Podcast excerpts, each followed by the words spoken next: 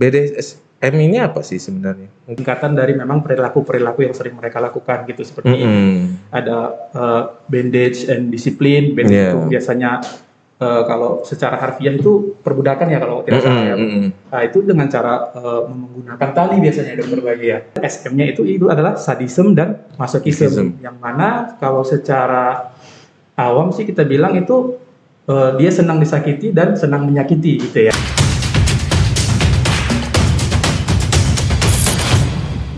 Assalamualaikum, salam sejahtera, salam, Salam. sehat jiwa.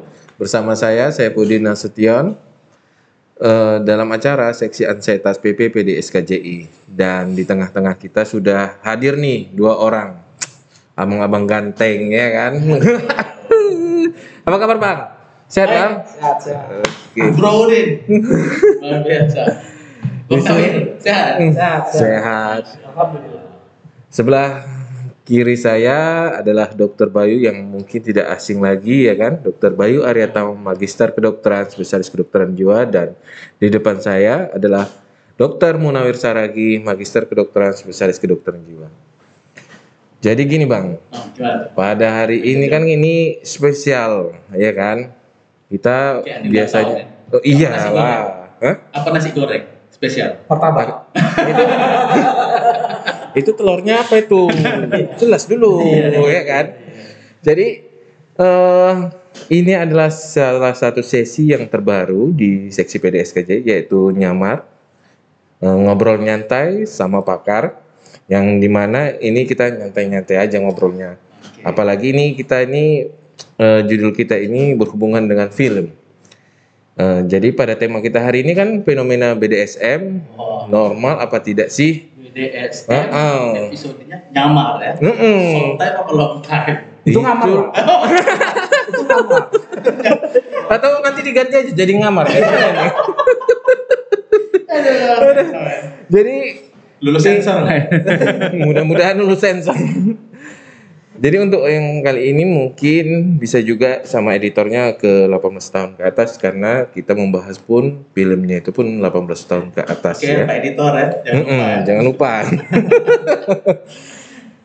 ini salah satu film yang kita bahas pada hari ini adalah film dari Korea Selatan yang berjudul Love and List yang di mana menceritakan dua orang eh, kekasih yang prianya yang bernama Jung Ji Ho dan seorang wanitanya bernama Jung Ji Wo.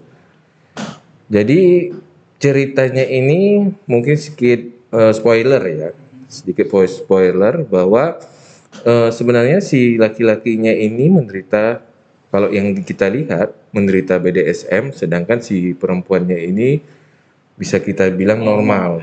Tetapi dari ceritanya sendiri dilihat bahwa si perempuan ini mulai tertarik nih untuk ke BDSM.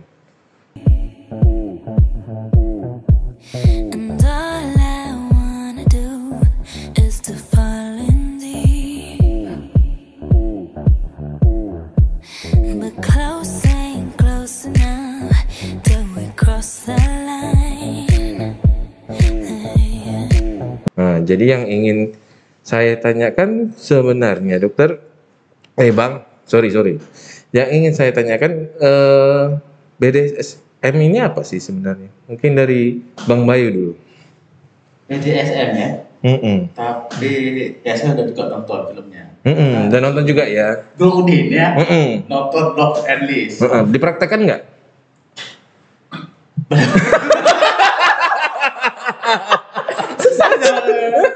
Jangan jawab dia.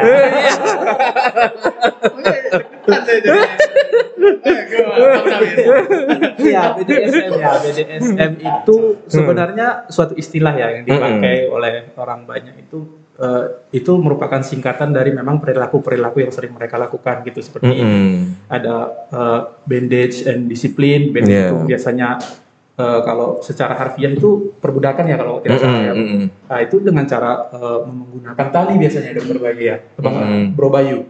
Eh, itu eh, me- merupakan eh, istilah-istilah mereka gitu. Mm. Bondage, disiplin itu Mm-mm. eh, ada yang D-nya dominance and submission, ada Mm. yang dominan, ada nanti yang Disiplin. ada tuannya gitu kan. Mm. Kalau istilahnya itu kan ada tuan, Mm-mm. ada budaknya gitu kan. Benar. Nah, itu nanti mereka me- me- memberikan suatu aturan-aturan Mm-mm. yang di mana itu yang disebut disiplin. Mm-mm. Yang terakhir SM-nya itu itu adalah sadism dan masochism. Masochism. Yang mana kalau secara awam sih kita bilang itu eh, dia senang disakiti dan senang menyakiti gitu ya. Benar. Jadi Bang Nawir yang mana nih? Eh, saya Yang daripada sama, tersakiti saya senang menyakiti mungkin. saya Jadi sado jadi apa ya? bukan juga. Atau apanya? Eh, apa namanya? Eh, disiplinnya, disiplinnya. Eh, mungkin saya tidak ada salah satu ya. diubah, diubah dia. Bagaimana dengan uh, Bro Udin ini? Kalau saya dia pastilah disiplin karena kan ya pasti lebih dominan apalagi laki-laki ya harapannya sih lebih dominan gitu. Tapi ya. kalau dari film ini kan, yang kita Mm-mm. lihat, ya, kalau laki-lakinya jelas di situ dia Malah sebagai direktur ya. Ya kan? Iya. Laki-laki direktur malah perempuannya yang eh, karyawan dia kan. Di Iya. bawahnya lah. Ya. Mm-mm. Bawahan dia. Dan ternyata di fantasi seksualnya ternyata si laki-laki yang direktur ini tidak ingin menjadi dominan ya kalau kita lihat. Iya, Kita- dia Iya, pilih iya. yang submissionnya. Submission. Ya, dia dia dia pengen yang menjadi budaknya gitu. Jadi memang ya. serunya dari film ini tuh kan biasanya dulu ada film juga Fifty Shades of Grey deh ya. Mm-mm. Yang mana laki-laki Mirip. yang biasa jadi dominannya. Mm-mm. Di film Korea ini malah si perempuan yang jadi Benar. dominannya ya di situ ininya. Mm-mm. Perbedaannya kali ya.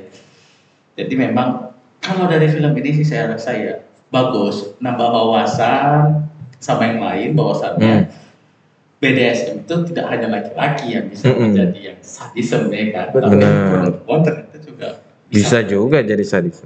Mm. Mungkin disclaimer dulu ya dokter ke Bro Bayu ya ini untuk edukasi ya kan karena di, di negara kita ini masih satu hal yang tabu seperti Tabu, ini. benar-benar. Nah, Mungkin bukan di negara kita aja deh, ya, di mana-mana juga. Jadi iya, memang iya. Hmm, Padahal sebenarnya fantasi-fantasi itu kalau menurut DSM 5 sekarang ya merupakan suatu diagnosa Mm-mm. dan harus diobati jika dia merasa tertekan dengan perasaan itu dan merasa terancam. Nah, tetapi Hmm. jika tidak, salah. Mm. Itu sekarang ini. Mungkin di situ agak sedikit eh, banyak juga kan eh, penelitian-penelitian yang mengatakan bahwa memang eh, pada kondisi sado, sadism atau masochism ini, suatu diagnosis sadism masochism ini, ini agak berbeda dengan gangguan psikiatri lainnya. Mm. Nah, karena kan kalau gangguan psikiatri lainnya itu selalu harus memenuhi kriteria secara umum Mm-mm. ini ya, Mm-mm. bahwa dia sudah mengganggu kehidupan sosial, personal, ataupun eh, dalam psikologisnya. Sedangkan pada kondisi ini kan pada jika dia ma- ma- disakiti atau tersakiti dalam tanda kutip ini ya, dia kan merasa senang. Jadi Iya. malam senangnya pakai lilin atau dicampur. Kalau gitu ya, di film film and List itu ya. Mungkin saya setuju dengan dokter eh, dari Bang Munawir ini. Memang saya pernah baca juga bahwa sebenarnya sadomasochism ini adalah eh, apabila si pelaku sebenarnya kan kita bisa bilang ini pelaku dan korban. Yang pelaku ini sadokism yang di mana dia lebih dominan untuk melakukan tindakan kekerasan, sedangkan yang mungkin yang korbannya ini adalah si masokismnya bahwa dia eh, si penerima kekerasan itu menyenangi.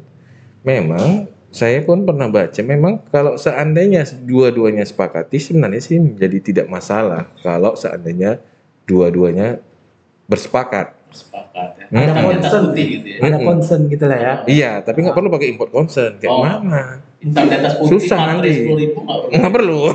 Itulah membedakan suatu eh, BDSM dengan eh, pemerkosaan. Hmm. Adanya itu, konsep. itu, itu harus dibedain tuh. Nah, mungkin ya. Hmm. adanya konsep. Di Mm-mm. Fifty Shades of Grey juga di Love and Lies juga selalu mereka bilang kalau Mm-mm. ada kesepakatan ya. Iya. Iya, benar. Jadi Bro Din, kalau pengen komunikasi yang baik dijalin dulu. Betul. Itu jangan Nanti- sampai terkaget. Oke, ya. nanti jangan lupa yang kemarin import concernnya kirim ke saya ya. Iya. Biar bisa diperbanyak gitu ya. Jadi oke. Jadi memang yang kalau tadi yang eh, BDSM ini kan tadi yang Bang Muna ini cerita ini ada yang B-nya bondage dan Disiplin. disiplin dan D-nya itu ada yang dominant and submission. SM-nya ini adalah sadokism dan masochism. Ini sebenarnya ada nggak sih perbedaan di antara ketiga itu? Eh, kalau secara diagnosis ini ya, Mm-mm. eh, BDSM ini jatuhnya kalau di diagnosis eh, PPDGJ ataupun DSM itu kan masuk ke seksual eh, sadism atau seksual masochism, Benar. gitu kan? Eh, walaupun ada apa namanya tadi Be- bondage, Bondage. and disiplin itu kan Mm-mm. cuman apa ritual-ritual mereka yang mereka lakukan gitu kan Hmm. Nah, itu jatuhnya ke seksual eh, diagnosisnya ke seksual sadism dan seksual masochism gitu. Mm-mm. jadi kalau memang dilihat apa tadi perbedaannya ya Perbedaannya perbedaannya sih antar keduanya itu ada memang yang dominansnya Mm-mm. yang dominans biasanya itu ke arah sadism ya ataupun ke dia memang eh, yang submissionnya Hmm. yang merupakan yang meneri yang disakiti ya gitu ya Mm. yang disebut juga dengan eh, submissionnya atau masochismnya gitu kebanyakan itu biasanya seperti itu gitu ya itu kebanyakan mungkin Mm-mm. ada kondisi-kondisi tertentu mereka tidak jatuh ke diagnosis tersebut Mm-mm. Oh, berarti itu sebenarnya kalau bisa kita bilang itu sebenarnya ritualnya saja, bukan menjadi satu pembedaannya ya. Ya Hmm, ritualnya, aja ya kan. apa yang bis- mereka lakukan itu apakah menggunakan tali gitu Mm-mm. kan ataukah mungkin membuat suatu peraturan-peraturan itu di situ cuman jatuhnya selalu ke yang dua itu biasanya Oke. Ini kalau Bro Din, saya boleh tanya. Boleh, boleh, boleh. Terus tanya. Mm-mm. BDSM ini menurut Bro Din nggak nih? Hmm? Setuju bang? Boleh dong? Sebenarnya kalau dari kita yang tadi saya bilang tadi, Bang Bayu, kalau misalnya BDSM itu kan sebenarnya kan ada pelaku dengan korban. Selama pelaku dan korban itu saling menyetujui, sebenarnya kemarin tuh kita pernah juga eh, mewawancarai sebenarnya tidak menjadi suatu masalah seandainya kedua orang itu bersepakat. Mewawancarai untuk kontrak atau gimana nih?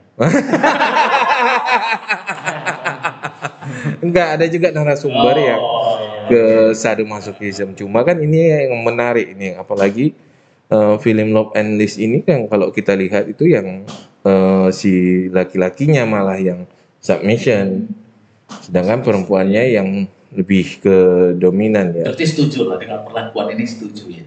Kalau selama mereka eh, mensetujui sama yang satu dengan yang lainnya, ya karena sangat sulit juga sebenarnya eh, sadomasochism ini untuk di terdeteksi, betul sekali Mm-mm, sangat sulit. Jadi Bang Nawir setuju juga berarti dengan BDSM? Oh, Bukan apa tidak setuju, tidak boleh, nggak ada gunanya. Kan ada tuh yang gitu tuh, nggak ada gunanya nih. Untuk apa? Gitu-gitu. ya kalau saya pribadi ya Itu hanya nafsu kan? itu kan eh, preferensi seksual mereka gitu ya Mm-mm. ya kalau mereka sama-sama senang ya silahkan gitu Mm-mm. Eh, Bisa pakai pakai baju anime gitu ya. ya Gitu, oke. Iya, Jadi kesimpulan dari Bang Bayu dulu. Ha, ini kan udah dapat nih pandangan nih. Kayak mana kesimpulan Jadi dari Bang Bayu? Menurut saya, ya, jadi ada yang tidak setuju, ya mungkin dia tidak, dia mempunyai fantasi seksual yang lain gitu ya. Padahal seks itu sendiri merupakan sebuah nafsu. Mm-mm. ya kan? Nah, jadi dengan dia mempunyai nafsu-nafsu yang lain, mungkin ya, be- berbeda lah Mm-mm. preferensinya dia. Yang tadi suka anime ya, Iya benar. yang suka BDSM. Mm-mm. Nah, nah, jadi ya tergantung masing-masing aja gimana. Hmm. Tapi yang jelas kalau sekarang di DSM 5 yang terbaru ya 2013 itu memang jika dia merasa uh, tertekan sudah dengan Mm-mm. pikiran yang seperti itu, Mm-mm. dia tidak nyaman dengan seperti itu, barulah bisa dikatakan itu suatu masalah seperti itu. Mm-mm. Jadi memang ya gimana kita menyikapinya aja. sih. Mm-mm. Kalau saya sendiri sih ya setuju ya. ya. Kayaknya mutar-mutar. Setuju juga ujung-ujungnya. ke sana. Ya, setuju gitu. ya. Saya setuju. Aduh. mungkin ada kesenangan sendiri, mungkin dia biasanya yang dominan di Benar. pekerjaan, di kehidupan dengan teman-temannya. Benar, Tapi benar. Di satu sisi yang lain ya kan, mungkin dia butuh mempunyai perasaan untuk disiksa gitu ya, jadi slave kali ya. Punya fantasi lah ya. Berfantasinya menjadi slave gitu. ya. Jadi itu mungkin yang jadi keseruan-keseruan itu. Iya. Dan yang menarik juga di film ini juga, kan tadi yang dari awal kita di- sudah bilang bahwa si ceweknya ini atau si Jung Ji Wo-nya ini merupakan eh, tidak ada penyimpangan seks. Dia eh, normal. Tetapi eh, kemudian dia itu menikmatinya. Apakah mungkin dengan melihat atau mencari itu sehingga kita bisa menjadi eh, berperilaku eh, sadomasochism ini? Silakan Bang Bayu. Jiwo yang perempuan itu ya. Iya, Dia yang dia tidak ngerti gitu Ya, nggak ngerti. Iya, nggak ngerti sama sekali. Pada film ini saya melihat pada saat dia melihat di satu toko sex toys gitu ya kalau salah Mm-mm. saya kan. Dia Iya, betul, betul, betul. Ada peralatan-peralatan Mm-mm. BDSM dan tiba-tiba dia seperti pengen Mm-mm. untuk melakukannya tapi dipanggil dengan temannya kan. Artinya di situ dengan dia mau membuat kontrak dengan si bosnya tadi, mungkin di dalam diri dia sendiri dia juga udah orangnya masokisme. Jadi Mm-mm. tidak bisa dipaksakan tuh. Mm. Bro, Di, saya rasa orang yang benar-benar nggak sanggup untuk di menjadi sadisme atau masokisme, jadi nggak mungkin untuk dipaksain menjadi seperti itu. Bukan, bukan maksud saya dipaksai. Jadi kan sebenarnya kan si perempuannya ini sih si Jung Jiwo-nya ini kan dari awal dia tidak ada perilaku eh, Ya. penyimpangan kan. Tetapi karena awalnya itu kalau saya tidak salah di filmnya itu bahwa si ada pertukaran, ketukar paketnya itu antara si Jun Jiwo Hmm, iya, dengan iya. si Jung Jung Ji Ho. Nah, dan si Jung Ji Wo ini mendapatkan paket si Jung Ji Ho. Hmm, Nah, dari situlah Mulai. dia mulai sepertinya kok eh, berubah dan dia itu kan lama-lama tertarik ini. Kok berbeda sih laki-laki ini dengan yang laki-laki yang lainnya. Saya itu dia mencari-mencari. Cuma kita lihat di beberapa sesi ujung-ujungnya dia tuh kok menikmati. Nah, ya tadi mungkin memang awalnya memang dia mempunyai hasrat seksual yang berbeda hmm, dari awalnya ya. dari awalnya Hmm. dan itu tidak disadarinya Hmm. ketika dia mendapatkan hal-hal yang eh, apa tadi seperti tertukar barang dia melihat Mm-mm. ternyata ada yang seperti ini juga Hmm. dia dengan dia mencari dan dia melihat banyaknya situs terus ada grup-grup seperti itu Hmm. jadi dia merasa dia tidak sendiri seperti, Hmm. seperti ini ada Dan hmm, ternyata dia menikmatinya ya kan Hmm, hmm, yang paling seru ada adegan di kantor ya malah Iya. Betul-betul rating 18 plus itu. Oh, iya. nonton ini jangan sama anak kecil ya ceritanya Bahaya. bahaya gitu. Dan mungkin ini pun sangat sensitif juga ya untuk di Indonesia untuk membahasnya, tapi ini sebagai edukasi sebenarnya. Betul sekali. Jadi kalau dari Bang Munawir ini, hmm, bagaimana? Eh, itu kalau menurut saya ya Hmm, eh, pikiran manusia itu kan suatu yang sangat unik gitu ya Benar. mudah beradaptasi gitu kan jadi kalau dia melihat sesuatu yang baru dia ingin mempelajarinya itu ada antara dua Hmm. seperti pacarnya Jung Jung Ji Ho ya Ho Hmm. itu kan ada dua sebelumnya Benar. Kan dua-duanya normal kan Dua-duanya yang pertama normal. dia mencoba mempelajarinya dia tidak suka Mm-mm. malah dia bilang eh, Menjijikkan. menjijikkan yang kedua ini malah dia menikmati gitu hmm, hmm. jadi memang itu tergantung orangnya apakah Mm-mm. dia nanti setelah mempelajarinya dia menikmatinya atau tidak gitu kan Hmm. Nah, di situlah butuhnya konsen untuk melakukan hal seperti itu walaupun sebenarnya eh, di dalam psikiatri itu Mm-mm. memang suatu penyimpangan gitu kan atau suatu Benar. gangguan Mm-mm. preferensi seksual gitu mungkin itu saja sih Oh. Berarti ya hampir sama aja kemungkinan siapa kalau misalnya mau tertarik maka dia akan muncul seperti itu ya. apakah passionnya di sana atau tidak ya dokter Mm-mm. Bayu. Betul. Memang menariknya lagi sebenarnya pada filmnya itu kalau kita lihat bahwa sebenarnya tidak ada eh, perilakuan perilaku seperti berhubungan suami istri ini sebenarnya. Kalau kita lihat mereka menikmati sekali dengan eh, mungkin ter Sadismenya. Sadismnya, masokismnya. Mungkin tidak terlalu vulgar. Itu. Oh. Tidak seperti Fifty Shades of Grey memang kan tuh langsung dinampak Mm, gitu mm, ya. mm.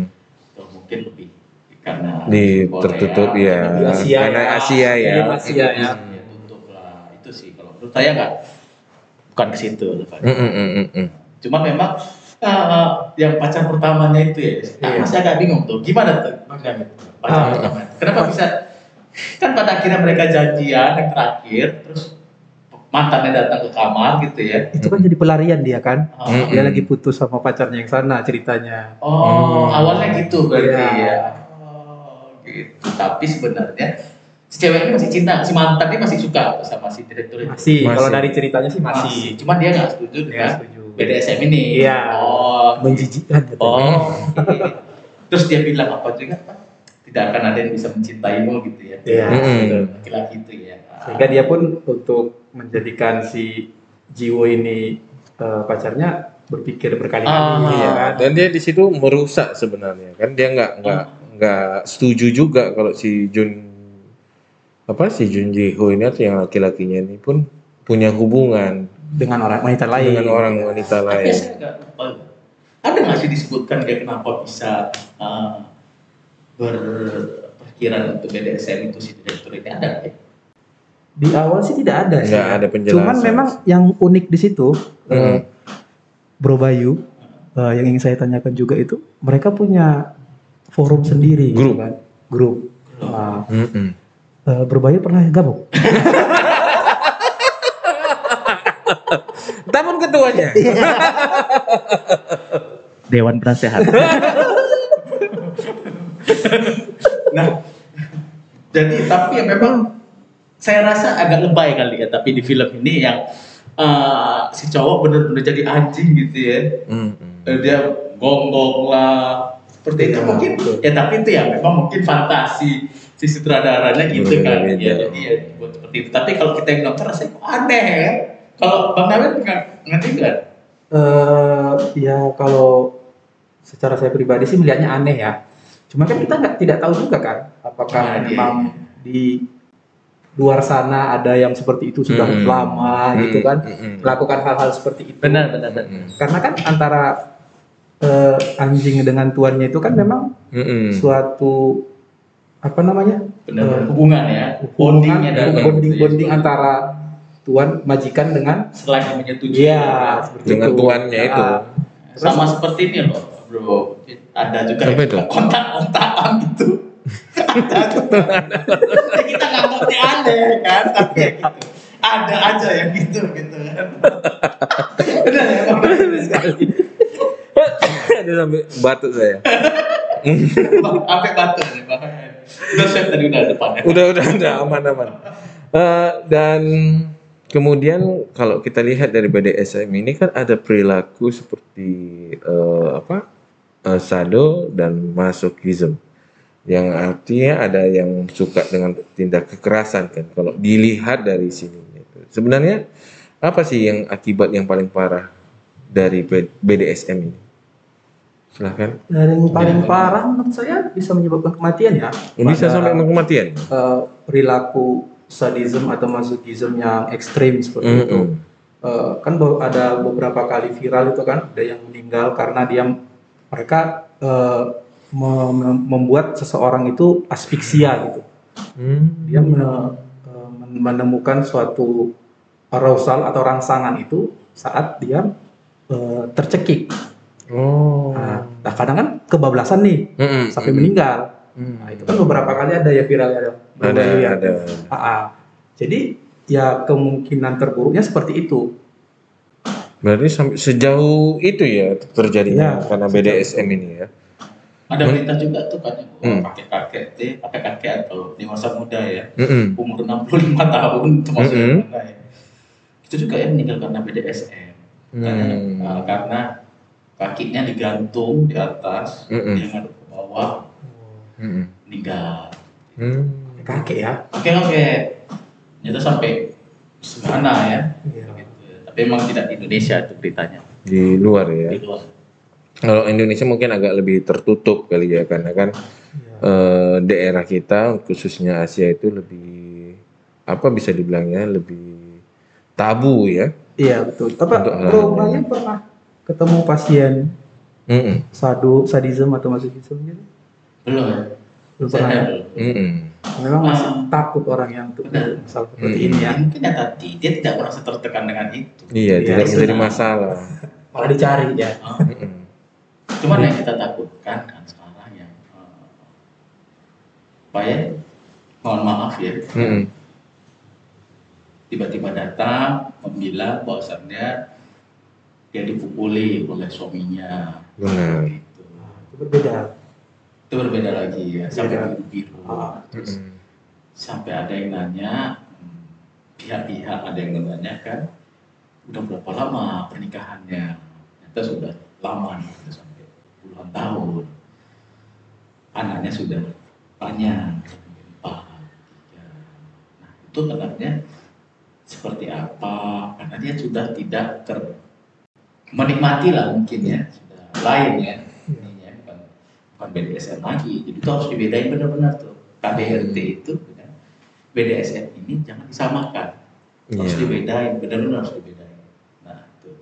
Biasanya yang datang-datang ke rumah sakit untuk visum itu bukan BDSM ya. Bukan KDRT. KDRT tadi memang eh, mungkin perbedaannya mungkin orang yang pelaku BDSM ini terutama kalau misalnya dia yang paling sering kan kita jumpai kalau misalnya pun eh, kejadian tahunya kita itu kan dari perkara juga Hmm. jadi memang yang saya baca sendiri atau yang pernah saya pernah diskusi juga dengan eh, dokter psikiatri yang lain juga, juga dia mengatakan kalau sebenarnya bado, eh, apa sadomasochism ini dia itu sebenarnya dia nggak merasa bersalah akan hal itu karena dia ngerasa bahwa itu memang eh, salah satu untuk memuaskan diri dia. Iya betul sekali. Mm-mm. Ah, betul sekali, Bro Udin. Hmm. Jadi untuk membedakan apakah ini suatu kekerasan dalam rumah Hmm. tangga atau suatu BDSM itu memang kan eh, aktivitas seksualnya itu itu dilakukan untuk eh, membuat dia terangsang atau mencapai suatu kepuasan. Mm-mm. Nah, jadi dengan dia menyakiti atau dengan dia disakiti itu dia terpuaskan atau Mm-mm. dia merasa terangsang. Mm-mm. Nah, sebenarnya eh, ini omongan dewasa ya. Kita kita ini Mm-mm. juga sebenarnya mungkin eh, pernah melakukan hal-hal BDSM yang ringan gitu seperti Mm-mm. spanking Oke. atau Mm. menampar gitu kan pada saat gluteus ya. uh, gluteus. Jangan bilang pantat ya. spanking atau menggigit tapi ringan gitu kan. Nah, itu kan Cupang, dilakukan cupang. ah, ya. ah, ah, digigit-gigit. Sukanya di pantat ya. Kayaknya pengalaman Bang Munawir ini banyak Luas, sekali, luas, kan ya. luas, luas Luas. sekali, luar biasa. i- itu kan bagian dari aktivitas seksualnya. Benar. bukan untuk eh, itu yang merangsangnya gitu kan itu Mm. hanya bagian-bagian tambahannya gitu, Mm-mm. Bro Bayu cuman pada mereka ini itulah yang menyebabkan dia terangsang atau itulah yang menyebabkan dia mencapai suatu kepuasan gitu kepuasan Hmm. seksual Jadi yang tadi, nyambung yang tadi ya, kata Hmm. tadi kan. Ya di film tadi juga ada kan yang kasus ternyata si laki-laki berpura-pura BDSM. ya Ya, ada, Temennya. ada, ada Temennya. temannya. ya betul Si nggak suka. Mm-mm. Nah, mungkin di situ kenanya bahayanya tuh di situ. Orang yang berpura-pura tadi Hmm. itu yang harus kita hati-hatiin. Jadi jangan bias, jangan sama. Memang itu juga ya kan, kalau yang berpura-pura itu yang mm, bahwa walaupun sebenarnya kalau yang saya lihat pun kalau misalnya ada perilaku sadokism, walaupun si pelakunya sadokismnya ini sebenarnya nggak merasa bersalah, Tetapi kalau sampai melukai dan sampai ke ranah hukum mungkin juga jadi masalah Nah, juga nah, sama itu hati-hati Mm-mm. kan kita dibilang kita udah buat kontrak ternyata Mm-mm. setelahnya biru-biru dia melapor polisi saya sih Hmm, ya. Visum ya. bisa visum mau dia ngeri ini Iya, betul. Dia Susah dia jadinya ya. Dan sebenarnya kalau kita lihat juga ada nggak sih pengobatan untuk BDSM ini kalau kita lihat karena kan kalau yang di akhir sesi akhir itu bahwa si laki-lakinya pun udah ngerasa eh, tidak nyaman dengan BDSM-nya ini. Sebenarnya ada nggak sih pengobatan untuk BDSM ini? Ya kalau misalnya tadi dia memang sudah tertekan, Hmm. jadi kalau tertekan ini kan pasti ada rasa Mm-mm. cemas ya, Benar. ada rasa sedih. Mm-mm. Mungkin ya apa maksudnya perasaan-perasaan itu tercipta pertama mungkin dia dikhianati, mungkin Mm-mm. dia ditipu, Mm-mm. ah, makanya terciptalah kecemasan-kecemasan tadi. Ya. Mm-mm. Ada juga yang karena dia masuk masokismenya kan, Mm-mm. dia yang disiksa dia jadi depresi, Mm-mm. seperti ini. Dia udah nggak menginginkan itu ya bisa ya, bisa diobatin. Jadi Hmm. kalau memang memang uh, si pelaku dua-duanya ini memang sudah apa namanya sudah menyadari Hmm. sudah merasa tertekan dengan itu tidak menyenanginya lagi ya sudah berhenti dan diterapi gitu ya Iya, betul sekali, Bro Bayu. Eh, untuk pengobatannya memang eh, di awal kita harus akui ya bahwa sadism, masochism ataupun eh, BDSM lah secara umum di Hmm. diketahui masyarakat ya, Mm-mm. itu memang suatu gangguan dalam Benar. psikiatri ya. Dimaksud- Penyimpangan seksual ya. Iya, gangguan preferensi seksual gitu ya. Hmm. Nah, jadi kalau memang dia merasa terganggu atau apa pun, kalau dia takut-takut ke psikiater, jangan takut karena psikiater nggak mungkin membeberkan ke mana-mana kan. Benar. Itu sudah rahasia pasien gitu. Jadi jangan takut berobat gitu. Mm-mm. Karena memang uh, jika nanti sampai ke tahap ekstrim itu tadi itu tadi bisa Nah, kita takut ya. ah, bisa sampai uh, meninggal dunia juga kan Mm-mm. karena aktivitas tersebut. benar Berarti BDSM ini sebenarnya ada juga di pengobatannya ya. Mungkin Ya, ada waktunya apakah lama atau sebentar? Uh, mungkin tergantung ya, Bro Bayu ya. Tergantung dari uh, bagaimana keekstriman dari sadisme ataupun masochismnya ini. Hmm. Uh, bagaimana penerimaan dia, karena kan nanti pasti ke arah terapi perilaku juga ya, si Hmm. psikoterapi juga gitu kan. Nah, seperti itu. Jadi yang mungkin yang perlu kita edukasi itu ya, uh, Bro Bayu ya, bahwa uh, jangan takut datang ke psikiater gitu ya. Benar, benar, benar. stop stigma ya, tetap ya Iya. Jadi mungkin sebenarnya masih panjang lagi yang mau kita cerita cuma luas. Pak ah, cuma Pak sutradara udah gini-gini ya kan. Takut kita nanti dipecat ya kan. tapi kalau mau beli toko apa tokonya ada sini toko list ya list campur-campur Kalau ya. Kalau ya. Oke, terima kasih kehadirannya Bang Munair, Bang terima kasih Bayu, Terima kasih juga. eh, terima kasih. Biasa. Ke ke depannya kita harapkan mungkin jangan bosan-bosan untuk diundang kembali Eh, lagi di sini. asal mau diundang lagi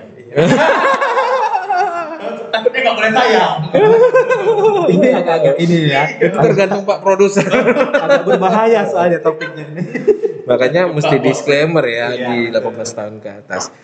Eh, te- terima kasih Bang Munawir, Bang Bayu. Mungkin para penonton yang di rumah eh, ingin menjumpai eh, Bang Bayu atau Bang Munawir. Mungkin jumpai Bang Bayu bisa di mana Bang Bayu? saya di rumah sakit umum daerah Desa Mensaragi di Pematang Siantar juga di klinik Binatma eh, bisa di sini juga Dan Bang Munawir? Oh, saya di RSUD Tanjung Balai ya. Oh di daerah RSUD Nah, Tanjung Balai ya. Oke, terima kasih eh, abang-abang sekalian. Terima kasih juga para penonton yang di rumah yang sudah menonton acara pada episode ini. Dan akhir kata saya mengucapkan tiada kesehatan tanpa kesehatan jiwa. Assalamualaikum warahmatullahi wabarakatuh. Salam sejahtera. Salam sehat jiwa.